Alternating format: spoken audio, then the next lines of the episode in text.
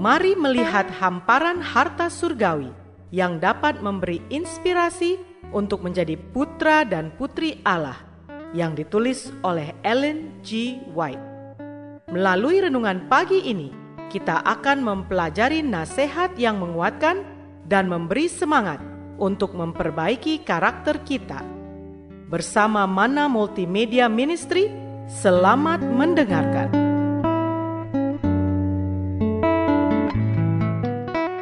Shalom, selamat pagi saudaraku.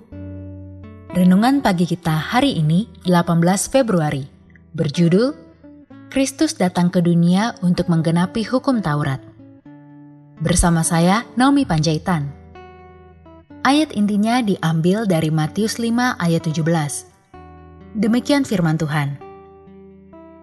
Janganlah kamu menyangka bahwa aku datang untuk meniadakan hukum Taurat atau kitab para nabi. Aku datang bukan untuk meniadakannya, melainkan untuk menggenapinya. Mari kita dengarkan penjelasannya. Allah memilih Israel sebagai tempat penyimpanan harta kebenaran yang tidak ternilai harganya untuk segala bangsa. Dan ia memberikan hukumnya kepada mereka sebagai standar karakter yang mereka harus diperkembang di hadapan dunia, di hadapan malaikat-malaikat, dan di hadapan dunia-dunia yang belum jatuh dalam dosa.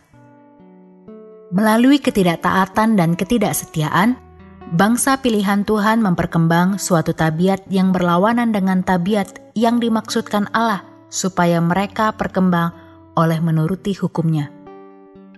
Mereka menaruh bentuk dan tujuan mereka atas kebenaran sendiri, membuangkan daripadanya tujuan Allah hukum Allah sedang ditanam di bawah catatan bentuk-bentuk upacara secara lahiriah saja, seperti pembasuhan tangan sebelum makan dan pembasuhan cawan-cawan dan mangkuk-mangkuk.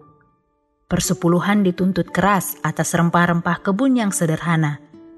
Bagi orang-orang yang lebih mengutamakan perkara yang kecil-kecil ini, Kristus berkata, "Yang satu harus dilakukan, dan yang lain jangan diabaikan."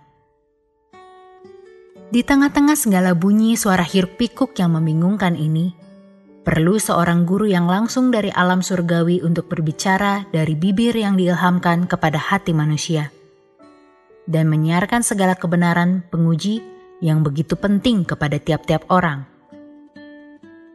Sebagai seorang guru yang diutus Allah, pekerjaan Kristus ialah menjelaskan arti yang sebenarnya dari hukum-hukum pemerintahan Allah menaruh kembali kebenaran dalam kerangka hukum Allah sendiri, ia menyebabkan hukum itu bercahaya dalam sinar aslinya yang surgawi.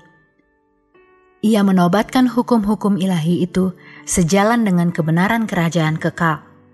Kebenaran yang murni menghasilkan persetujuan Allah, sumber segala kebenaran.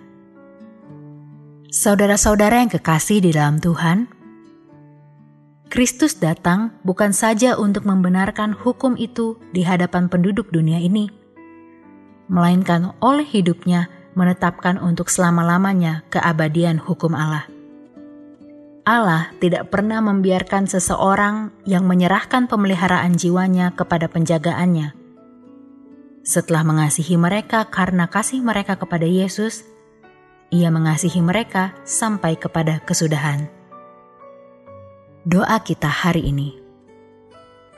Bapa, terima kasih karena melalui renungan pagi ini kami boleh belajar tentang Kristus yang datang ke dunia untuk menggenapi makna daripada hukum Taurat. Terima kasih sebab Tuhan telah mengirimkan Kristus untuk menjelaskan kepada kami dengan lebih baik lagi makna daripada segala ketetapan dan sifat-sifat karaktermu.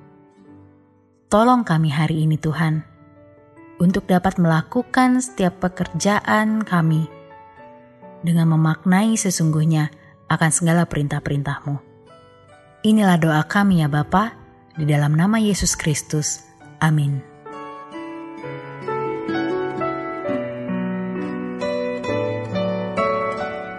Demikianlah tadi pembahasan tentang menjadi putra dan putri Allah.